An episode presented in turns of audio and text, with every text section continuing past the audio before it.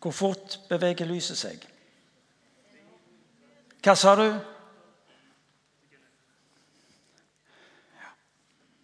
Unge Maldal sa 300 000 km i sekundet. Får, dere tak i den?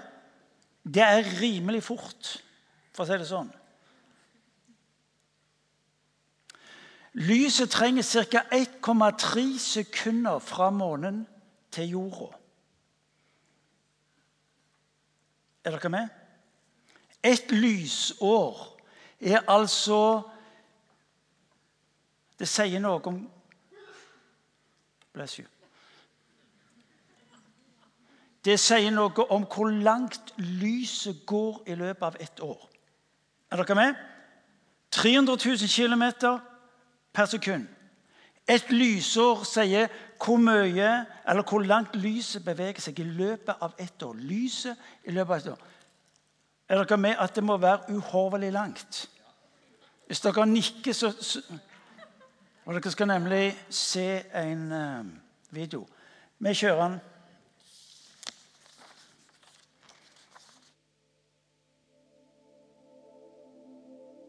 Den igjen.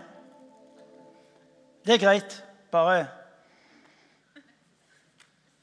Andromeda. Bare kjør den gjennom. Andromeda.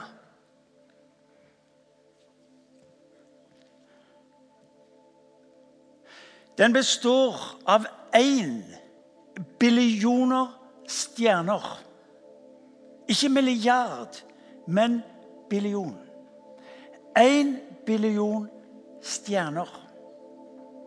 Fra den ene kanten til den andre er det altså 350 000 lysår. Det er langt. Melkeveien består av 300 milliarder stjerner. Ca. 250 000 lysår fra den ene kanten til den andre. Det er 100 milliarder galakser, som du ser. Vet du hva som er ditt og mitt store utfordring? Det å tenke riktig om Gud, som sier I begynnelsen skapte Gud himmel og jord. Gjennom generasjoner så har Kirka bekjent i sin trosbekjennelse jeg tror på Gud Fader, himmelens og jordens skaper. Han sier om seg sjøl han talte, og det skjedde. Han bød, og det sto der. Vet du hva som er din og min utfordring? Vi tenker altfor smått om Gud. Og når du ser, spesielt i kveld hvis det er klart, og du får se ut i himmelen Abraham sleit med livet og omstendighetene. Gud tok han ut forbi teltet, og så sa han, 'Abraham, se og begynn å telle.' Det er nå min utfordring. Vet du hva det er? Det er ikke at du tenker for stort om Gud, men du tenker for smått om ham. Og Det er noe av det som vi vil se på. Vi har eh, et ønske om å bli tatt inn i en måte som Gud tenker og handler. Temaet de siste ukene har vært helbredelse. Hvorfor i all verden må ei kirke være opptatt med helbredelse? Jo, fordi Jesus var opptatt med helbredelse. Denne kirka, i min kirke, har et grunnleggende ønske om å være med på det som Gud gjør, være en del av det som kjennetegner Jesu liv. Hvis ei kirke sliter med å komme til rette med å ha betydning i samfunnet, bør Kirka stille et grunnleggende spørsmål, og det er hva var det som gjorde Jesu liv attraktivt? Og det som gjorde Jesu liv attraktivt, bør Kirka sørge for blir det attraktive ved den sin virksomhet. Hva var det som gjorde Jesus attraktiv? Det var godheten hans. Menneskene elska å være rundt ham. De elska å være i nærheten av ham. De som var utstøtte, de som ikke fikk til livet, de som ikke passa inn, de var der. Hva var det med denne mannen som gjorde at folk elska å være sammen med han. Det, måtte være, det må være spesielt. Han sorterte ikke mennesker. Han plasserte det ikke. Det var noe ved han som tiltrakk mennesker, som gjorde at de, de vågte å komme nær, og de vågte å bli værende. Det som gjorde Jesus attraktiv, det var godheten hans. Det andre, det var ordene hans. Fri for sarkasme. Fri for ironien. Fri for det som trakk mennesker ned, plasserte mennesker, såra mennesker. Han hadde ord som løfta opp. Han hadde ord som flytta vekk, slik at mennesker kunne våge å passere alt det de frykta. Fred. Ord om fred ord om barmhjertighet. Ord som var som salve. Ditt ord er som salve. Det tredje som kjennetegna livet hans, det var helbredelsene. Ei kirke som ikke tar til helbredelse på alvor, er ikke ei fullstendig kirke.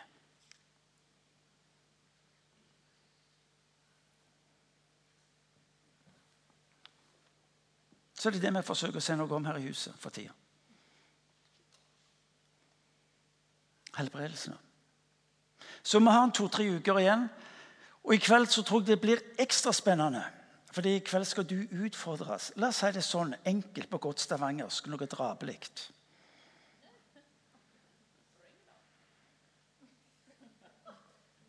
Og jeg har et ønske om at før du går i kveld, så skal du si ok, Jesus, er det det du tenker på meg? Da vil jeg ta det på alvor.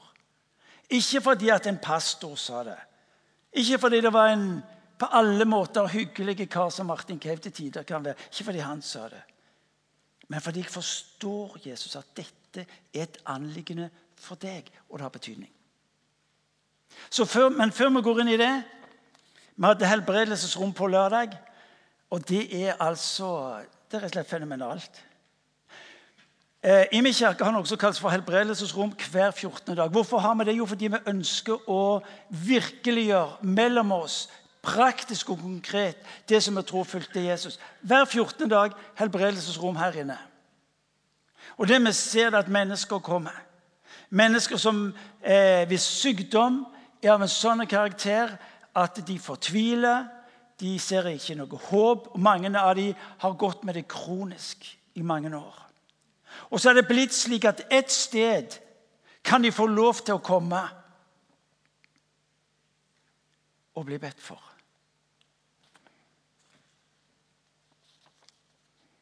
Ei dame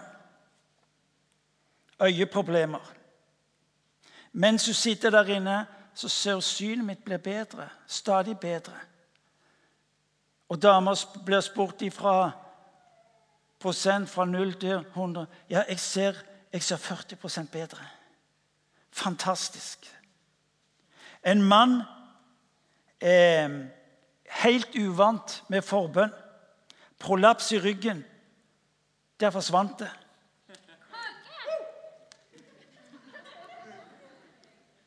Må ikke bli overbegeistra ennå. Overarmen hadde han fått lagt inn en skinne i. Alltid smerte ved belastning. Smerten forsvinner. Og Så ble han spurt er det noe du kan, kan du gjøre noe som du ikke kunne gjøre før. Og Resolutt så bøyer han seg ned på gulvet og tar han ti armhevninger. Du må gjerne klappe.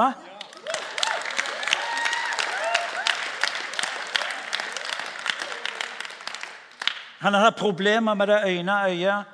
Og etter det ber for ham, så sier han nå, nå kjenner jeg ingenting. Ubehaget forsvinner, og han opplever å bli møtt både fysisk, åndelig og sjelelig. Vet du hva jeg tror? Jeg tror det må ha blitt klapt gysla mye rundt Jesus. Er du med? Jeg tror de må ha Jeg tror, jeg tror det er noen som har dansa Når de ser hva som skjer rundt Jesus. Mange ble berørt av Gud, lyder rapporten fra, fra i går. Smerte i hoftene. Jeg var her for to uker siden med fibromyalgi. Siden så har jeg ikke hatt smerter. Et menneske som har hatt smerter i årevis. Kommer tilbake for å fortelle. Ei dame forteller at nakkesleng, deprimert lenge. Fire uker siden ble hun bedt for. Kom igjen i går som ei sol. Det interessante er at det skjedde ingenting mens hun var her inne på helbredelsesrommet. Men i det øyeblikket hun setter seg i bilen, skjer forandringen. Og helbreder.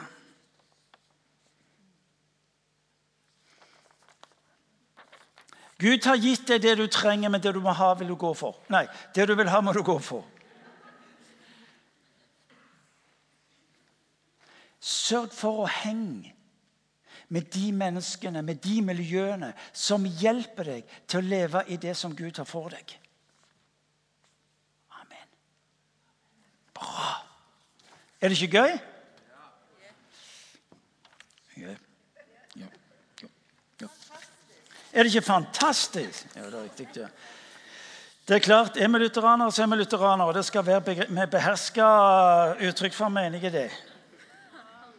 Halleluja. Nå skal du høre. Når vi begynner å snakke om mennesker som kan helbrede, så ender vi opp med Vi har bestemt det for så lenge hvem det er. Jo, det er en Svein Magne Pedersen. Takk Gud for Svein Magne Pedersen. Det er Snåsaman. Du har hørt om Snåsaman? Ja, det er Snåsaman. Benny Hinn er det noen som kjenner til. Benny Hinn. Og så har vi plassert helbredelse hos noen få, hos noen spesielle. Mitt spørsmål til deg er kan du helbrede syke. La meg få si hånd i været på de som tror at de kan helbrede syke. Ja, det er bra. Alle dere andre dere tror ikke dere kan helbrede syke.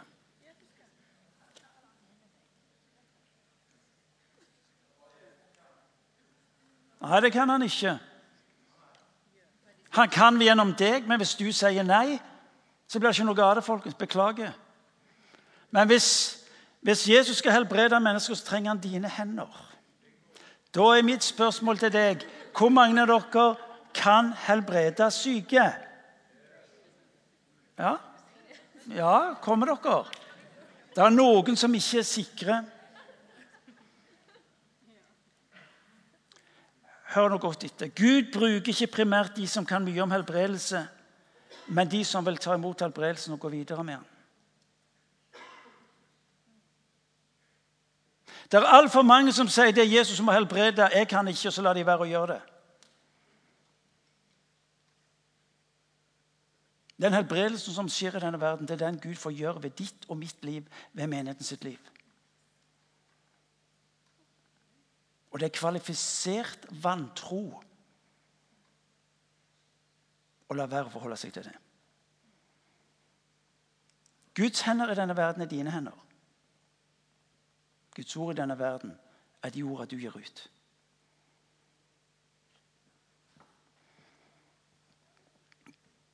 Gud bruker seg ikke primært de som kan mye om helbredelse, men de som vil ta imot den og gi den videre til andre.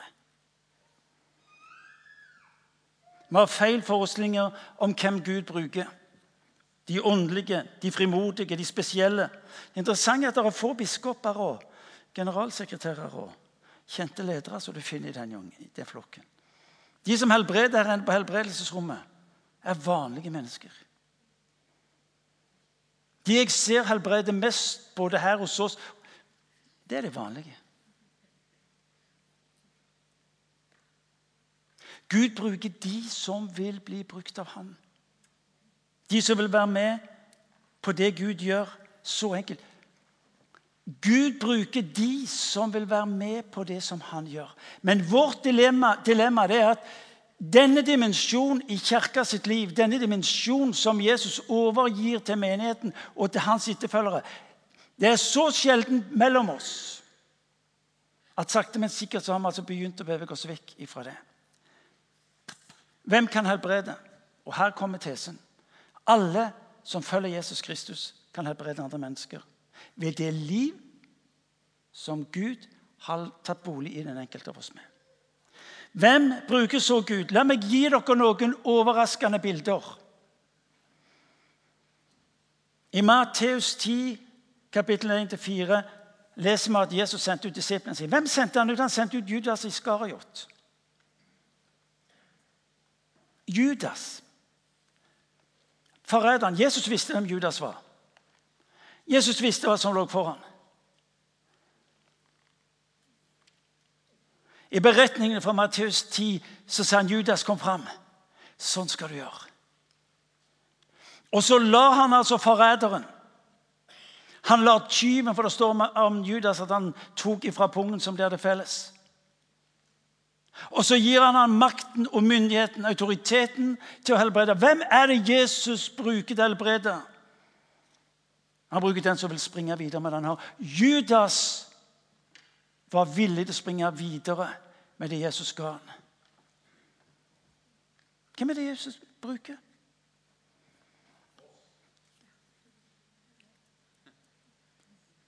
Amen. Han brukte en Jakob og Johannes. De kaltes for Tordensønnene. Torden, Legger du merke til navnet? Når det, var, når, det, når det, skjedde ting som ikke passet dem, så ønska de å på eh, tordenvær. Lyn og torden. De ønska å utslette de som ikke var på linja. Og når de som en del av ambisjonene sine en dag eh, sender mora for å overbevise Jesus om at han må legge forholdet til rette, slik at Jakob og Johannes kan få de rette posisjonene de er inn i det som kalles for manipulering. Jakob Johannes, se her. Ta imot det jeg har for dere, slik at det kan få lov til å ha betydning for andre mennesker sitt liv. Det var ikke frommiser, den gjengen som hang rundt med Jesus. Jeg var ikke frommiser. Eller Peter feigingen. Jesus visste hva han gjorde da han altså rekker de livets gave for de mange som var syke og utslåtte. Kirkehistorien er full av mennesker som hadde store personlige problemer, men som Gud brukte i sin helbredelsestjeneste. Dere har hørt meg si det før. En av de fremste amerikanske historikere forteller at årsaken til at Rom blir kristen etter 300 år, er nettopp kjennetegnet på helbredelse og utrydding av onde ånder.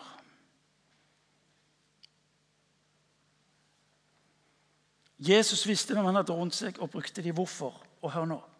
Fordi han elsker menneskene som trenger helbredelsen. Det er det vi snakker om. Jesus jager sykdommen. Jesus jager de mennesker som har behov. Jesus jager de menneskene fordi at de skal erfare hans godhet. Du etterjager meg, leser vi i Salme 23. Helbredelse er ikke religiøse greier. Helbredelse er ikke noe som passer for noen få. Helbredelsen har et mål, mennesker som trenger den. Og hver gang du sier nei på hver Guds svar inni det muligheten for mennesker, så skal du være klar over det er mennesker som blir værende i en lidelse som Gud hadde svar for.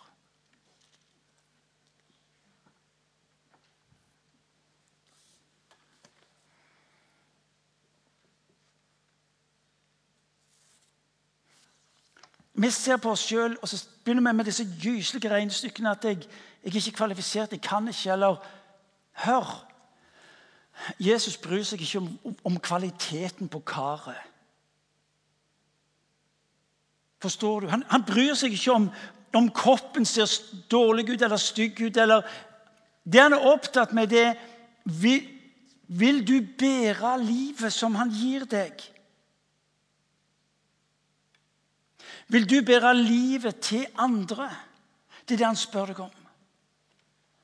Og Jeg synes Det var et nydelig vitnesbyrd som jeg hørte her fremme fra Akta-studentene. Forestillingen om at det skulle skje i et hus, kristelig sådan. Nei, der ute. Normalt. Noen av dere husker at jeg for mange år jeg fortalte om en hendelse som skjedde for mange år siden. Vi hadde besøk av Ann Watson, ei festlig dame fra fra England. Fra England. En dag så sa hun til meg men hør der, Martin, du, du, du vet jo det at helbredelsen det er jo den, den, er jo for de som er ute forbi Guds hus. Vi skal ut på gaten og be for de som er syke. Og jeg tenkte damer er ikke riktige. Det er jo ikke sikkert at de er kristelige engang. Og jeg hadde alle mine regnestykker om hvem som var kvalifisert. Jeg bare ler hun av meg. Så, Martin, det er ikke sånn det er. Og så har jeg blitt tatt inn i det, og så syns jeg fantastisk det er. Husk Jesus er mer opptatt av å velsigne menneskene enn å ikke bruke deg pga. dine problemer. Jesus er mer opptatt med å velsigne menneskene enn å skulle la seg stoppe av deg og dine problemer. Og I det øyeblikket hvor du begynner å fortelle om alt som skulle vært annerledes i ditt liv, sier han no problem. Når du forteller om nederlagene, når du forteller om det du sliter med, så er det no problem. Om du får tak i hva jeg sier Fire stykker. Dere, kan dere nikke hvis dere Ja, det er bra.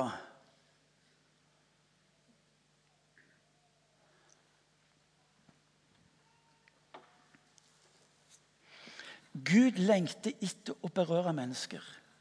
Det er for. Frelse, gjenopprettelse, velsignelse.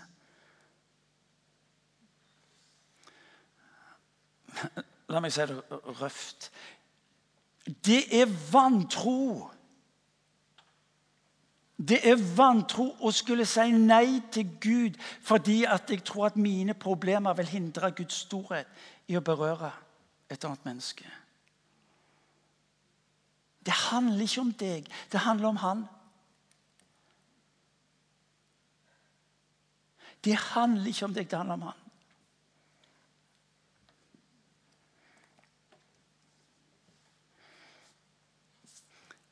Av til, og spesielt blant kristne, så møter jeg denne tullete holdningen for eller mot helbredelse.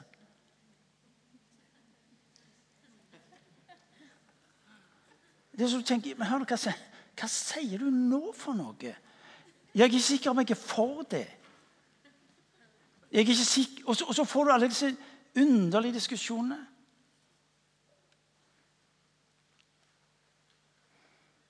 Det er mulig du syns jeg blir både enkel og forenkla, det jeg sier. Men jeg har et, jeg har mål å få tak i det jeg sier. Jesus, jeg syns du er en bra, bra kar, men det der med helbredelse det, du, det, må, det må du droppe. Jesus, dette som går mellom, Jesus, det, det må du slutte med. Barmhjertigheten din den er fenomenal. Ordet, det er fantastisk. Men dette med det må du slutte med. For det blir det bare surr av. Og det er så mange misforståelser, det er bare så mange spørsmålstegn osv.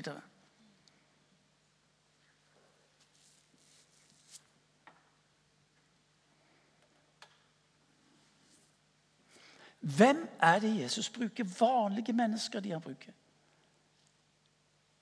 Vanlige mennesker, alminnelige mennesker som vet hvem de er.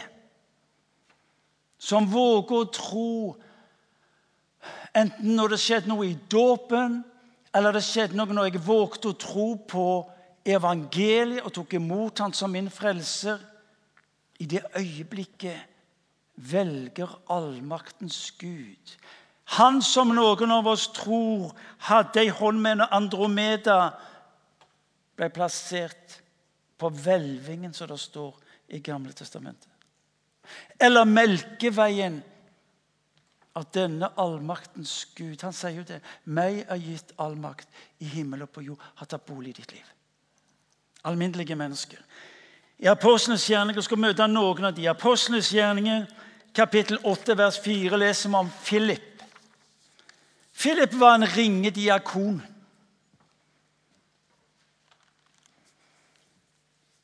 Han ble sendt for der det brøt ut vekkelse. Han drog ned og forkynte evangeliet. Og så står det at han helbreda de syke, drev ut onde ånder. Og så står det i en engelsk oversettelse som jeg liker så bra Jesus was the talk of the town. Jesus var altså samtaleemne i byen pga. det som skjedde. Hadde vært kult hvis kirka ble kjent som vet du hva? Du må gå i Har du problemer, så må du gå i kirka. er da, for jo, de fikk, de fikser opp. Ikke sant? vel? De fikser opp. Philip, en skarvediakon Det står noe når han ble eh, utvalgt til å være eh, diakon. Det står det var mye ånd i han. Ikke sikkert det er mer ånd i han enn i deg. Man får ikke Den hellige ånd i bits and pieces. Enten så har du han, eller så har du han ikke. Det er noe befriende i det der. Slippe å springe og få tak i det du trenger. Du har det. For han har et bolig i ditt liv. Philip. Sam Lovell, god venn på huset. Lært mye av han. Det det er en ung generasjon som vokser fram nå, som er steintøffe. Sam Lovell skal være med og be for, for dere etterpå. Han ble spurt vil du virkelig ha dette her. Sam hadde bedt om at Gud skulle velsigne livet hans med med gaven til syke. Vil, vil vi? Og Sam fokuserer. Og ved å bli værende i det som er hans bønn, erfarer han også at Gud gir han det hans hjerte lengter etter. Kjellaug Bødalen, min tidligere sekretær, pensjonist dere får få det på denne måten. Men hun er altså ekspert på for kort og for lange bein. For 35 år siden så lo jeg mye av det der. Er du med? Var det for kort eller for langt, eller var det for langt eller for kort? Hva var problemet? Kjellaug Bødalen hun ble bedt for mange ganger eh, mens vi holdt til i det bedehuset som var i Bergelandsgata. Hun hadde så kraftige ryggsmerter at dama kunne omtrentlig ikke gå. Så hun sa Martin, jeg må få nye, nye stol, fordi at jeg klarer ikke mer å sitte. Så er det en dag hun er på et møte i ei kirke. Vi har besøkt noen gode venner fra USA. Hun ble bedt for, kommer tilbake og sier Martin, når jeg helbreder. Ja, hva mener du med det? Jo, foten vokste ut. Og La meg si som sant det er. Foten vokste ut. Ja, hva mener du? Nei, det er helt snålt. Jeg så han vokste ut. Ja, hvordan, hvordan, merker du det? Jo, det jeg nå merker på veien ned fra kirka til, til Imi, så Den ene foten tok så mye fortere ned enn den andre.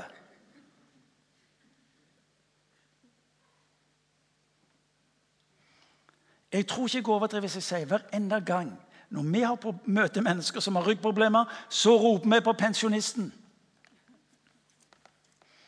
Ei fornuftige, edruelige og definitivt ikke primært følelsesorienterte dame.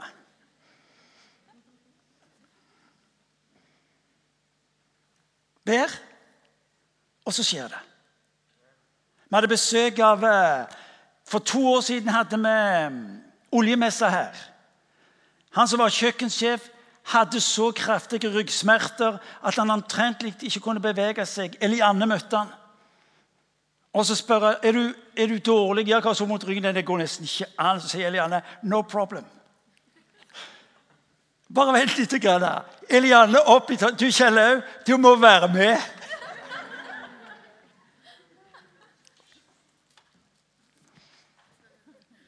Kan du tenke deg noe så vent som Kjelle? Ikke mye truende over den dama der. Ja, han visste ikke om Ja, han var han tilhørte vel i grunnen en sånn annen religion, men, men eh, ikke problem det. Gud elsker deg. Ikke problem det. Ber for ham. Momentant helbred.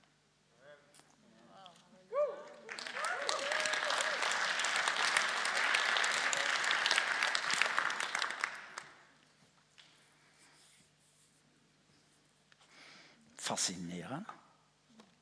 Jeg var i, eh, i Battle Church to år siden. Eh, jeg har noe jeg, som er kronisk i livet mitt, en, en tarmsykdom. Og så, og så skulle jeg bli bedt for. Kom inn i helbredelsesrommet de som har lært mye av. Og Der inne kom jeg til team, og der sitter det en mann i rullestol og skal be for meg. Trenger ikke alt på plass. Og han ber for meg. Og mens de da ber for meg, han og to andre, så er det et leven bak meg. Og der er ei dame som reiser seg opp på rullestol, har hatt MS i 29 år. Og du skulle sett han som satt i rullestolen ved siden av meg. Han var altså helt vill. I begeistring over at mennesker hadde erfart. Eric Johnson, som er pastor i Bethel Church, 80% døv, ber for syke.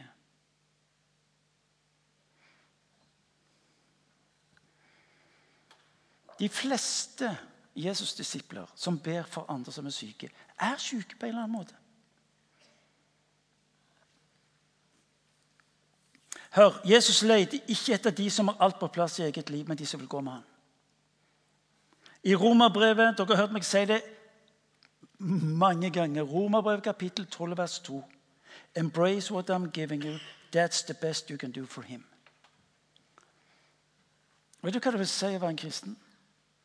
Det er akkurat det du hører her. Embrace. Omfavn hva Gud deg, gir deg. Det er det beste du kan gjøre for ham. Folk spør hva skal jeg gjøre som Bare ta imot det han gir deg.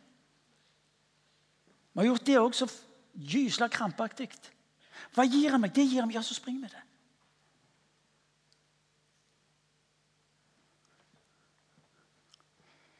Underveis, underveis bruker han deg og meg. Ikke til du har det, eller til du er perfekt, eller til du har alt på plass. Overlat til han om du er god nok. You, hør nå, det er engelsk. You can do it. Profeten Nike har sagt det sånn. Just do it. Just do it. Ja, hva skal jeg gjøre? Just do it.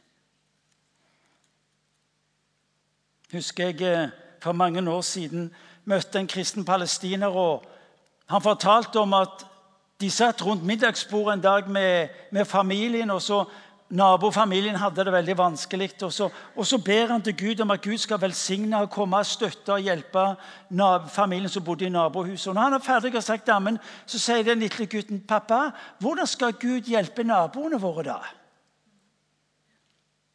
Hvordan skal Gud hjelpe naboene våre? Og han skjønte hva svaret var. Det var jo han som måtte være det. Kanal for Guds godhet. Det er Gud som helbreder, men uten dine hender skjer det ingenting. Det er Gud som helbreder, men uten dine hender blir det ingenting. Jesus berørte menneskene der han møtte dem. Han tok på dem. Det var ikke en merkelig helbredelsessky som kom over folkene som søkte. Han tok på dem. Han berørte de. Gud bruker de som vil bli brukt av ham. De som vil være med på det Gud gjør. Så enkelt. Så enkelt. Men du må fokusere på det. Du må fokusere på det. Du må gå for det. Jeg har gitt deg det du trenger, men det du vil ha, må du gå for. Lyder det til oss?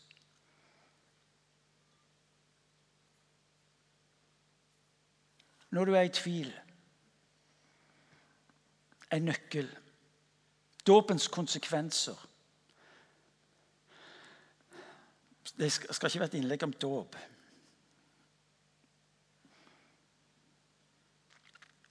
Men jeg tror dåpen representerer langt sterkere saker enn det vi egentlig er klar over.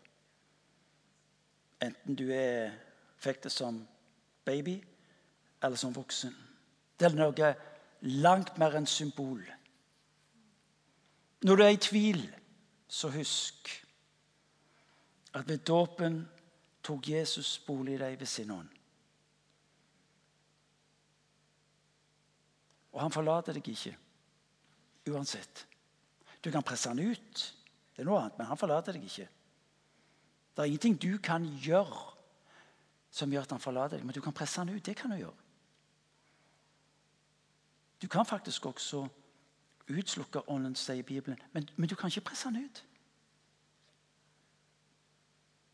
Jesus er i deg ved sin ånd. Og ved det muliggjør det han har bedt deg om å gjøre. Det er litt banalt, men allikevel. Dunk er den som sitter ved siden av deg, og så sier du Guds ånd bor i meg.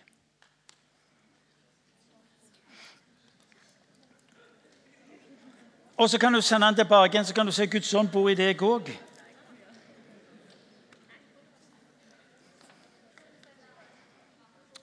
En ting til. Kan dere si motsatt? Guds ånd bor i deg òg. Du som er en Kristus etterfølger, Guds ånd bor i deg. Vil du være med og si en ting til? Paulus sier at alt er mulig for den som tror. Hvordan i all verden kan Paulus si det? Jo, fordi Guds ånd bor i han. Vil du dunke? Er den som sitter ved siden av deg. vet du hva? Alt er mulig for deg. Alt er mulig for deg.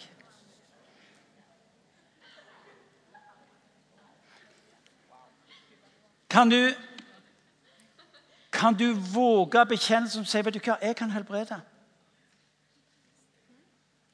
Kan du våge å si du kan helbrede? Ikke ved at du kan det, men ved at Gud vil bruke deg til å helbrede. I Matteus 10, 1-2, sender Jesus de ut med autoritet til å helbrede. Men du må få tak i en ting til.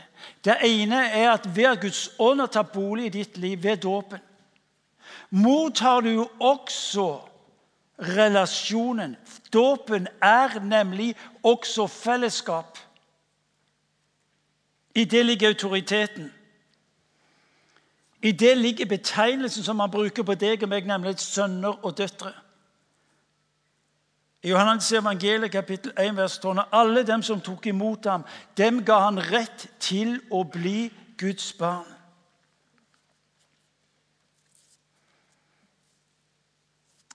Jeg skal begynne å slutte.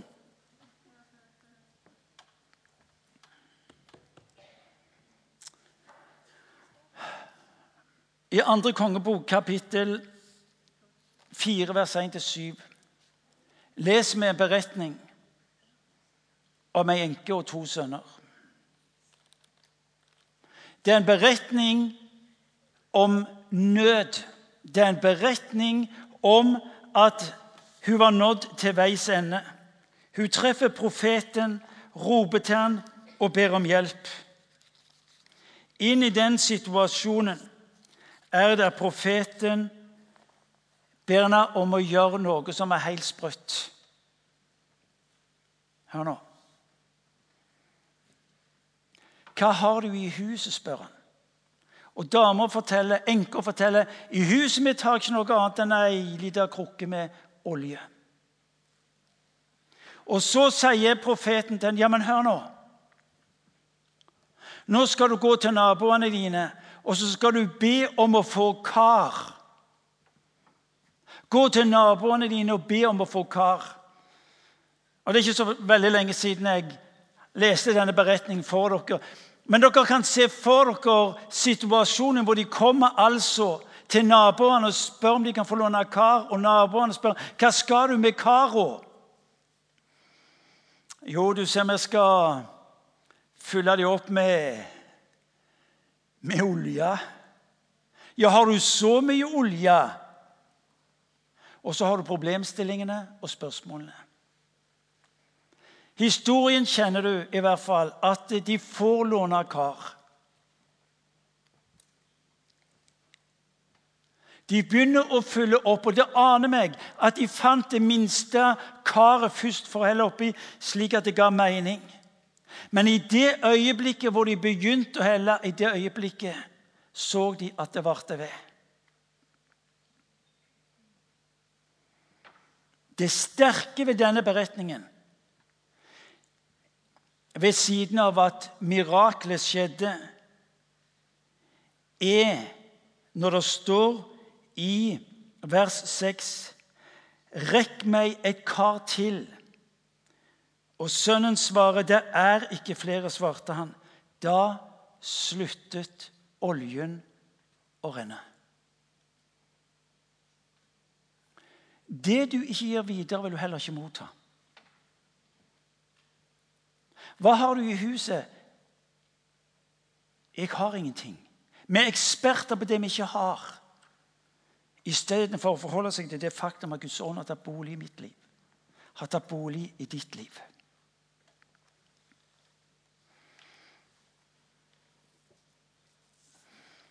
Da det ikke var mer kar, stoppa olja opp. Er det slik at olja har stoppet opp fordi vi ikke har våget å være karet som Gud kunne bruke for å øse hans liv til andre menneskers liv?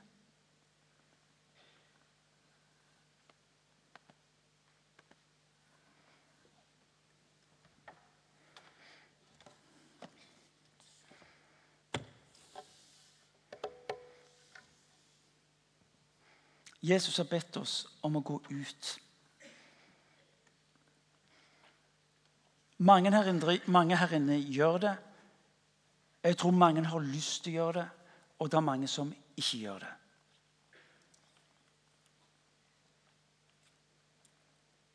Hvem er det Gud bruker? Gud bruker deg og meg, vanlige mennesker. Det vi skal gjøre nå, det er rett og slett å hjelpe deg til å våge bekjennelsen. Jesus, Hvis det er dette du ønsker fra menneskene som er rundt meg, la meg få lov til å bli en del av det. Om du kjenner at du står der med tvilen, med det som du ikke får til å gå i hop i ditt eget liv, med det som du syns er problematisk, utfordrer jeg deg til bekjennelsen, Herre Jesus, takk fordi du bruker meg på tross av det jeg ikke ser, det jeg ikke forstår, fordi du vil ta meg inn i det slik du ser at det skal funke i mitt liv.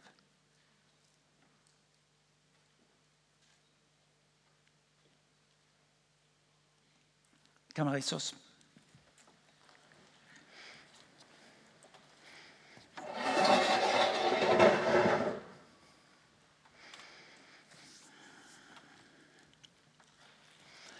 Det jeg vil du skal få tak i av det jeg nå sier, det jeg vil du skal få tak i, det er at Kristus jager sykdommen, smerten, det vanskelige i menneskers liv. Jeg vil ikke at du skal høre primært ord om helbredelse. Jeg vil du skal høre primært om en Jesus som jager for å omslutte, for å lindre, for å bringe håp for å berøre på en sånn måte at mennesker våger vandring med, fellesskap med. Våge å være den kanalen og gi videre til andre mennesker.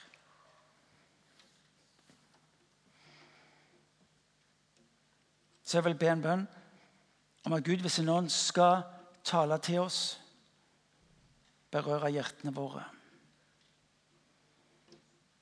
Er du her inne som ikke er en kristen, du vet at eh, det der greiene er ikke de greier, så vil jeg du skal vite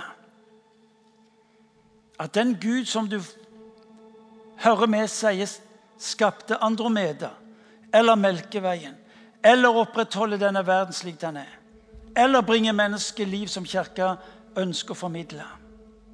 Den Guden, enten du tror på han eller ei, har et ønske at du skal erfare at han også jager ditt liv for at du skal erfare hans godhet. Gud ønsker deg ikke noe vondt. Gud ønsker deg det som er liv, det som er godt. Og du kan ta imot han i kveld der du står, bare rett og slett Jesus, hjelp meg til å se hvem du er. Herre, vil du ta bolig i mitt liv. Tilgi meg mine synder. La oss be. Herre Jesus Kristus. Takk for at du ved din ånd er mellom oss. Herre, jeg takker deg fordi at uh, din kirke består ikke først og fremst av perfekte og fullkomne mennesker. Tvert imot, sier du. Herre, du minner oss om at vi er syndere, du minner oss om at vi er mennesker som du både har tilgitt, du har satt fri, og som du har kalt inn i din nærhet, for sammen med deg å jage nøden, jage smerten, jage det som ikke er på plass. Herre. Du har ikke spurt oss om hva som skulle vært annerledes. Du har ikke spurt oss om nivået av fromhet eller av tro, her, men du har sagt ta imot det du gir. Nå ber jeg for at du skal komme til den enkelte av oss her, her vi står.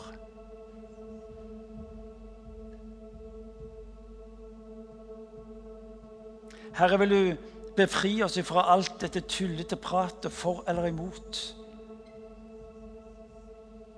Herre, vil du sette oss fri ifra å skulle være originale ved å si nei når du kaller oss til sammen med deg å gå.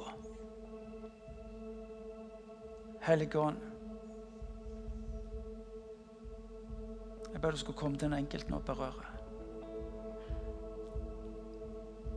Jeg ber du skal berøre. Kom til den enkelte ved din ånd, Herre. Og der du står Du kan si nei, eller du kan si ja. Dette er ikke et spørsmålssak om for eller imot helbredelse, men det er et spørsmål om å jage nøden, smerten, sykdommen som mennesker, andre mennesker bærer. Gud i sin kjærlighet har Han har en lidenskap og det å møte mennesker der de er med det han har. Herre Helligånd, kom til den enkelte av oss. Og Jeg ber du skal gjøre noe med vår måte å tenke på. Jeg ber for meg at du skal gjøre noe med vår måte å handle på. Far, du skal legge ned i våre hjerter en desperasjon, Herre, til å få lov til å gå sammen med deg.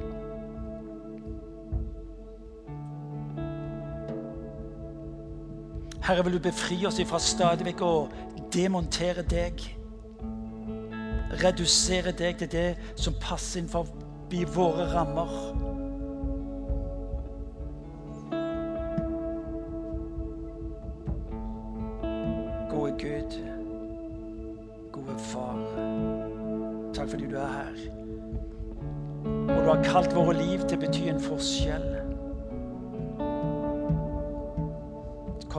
Til den enkelte av oss.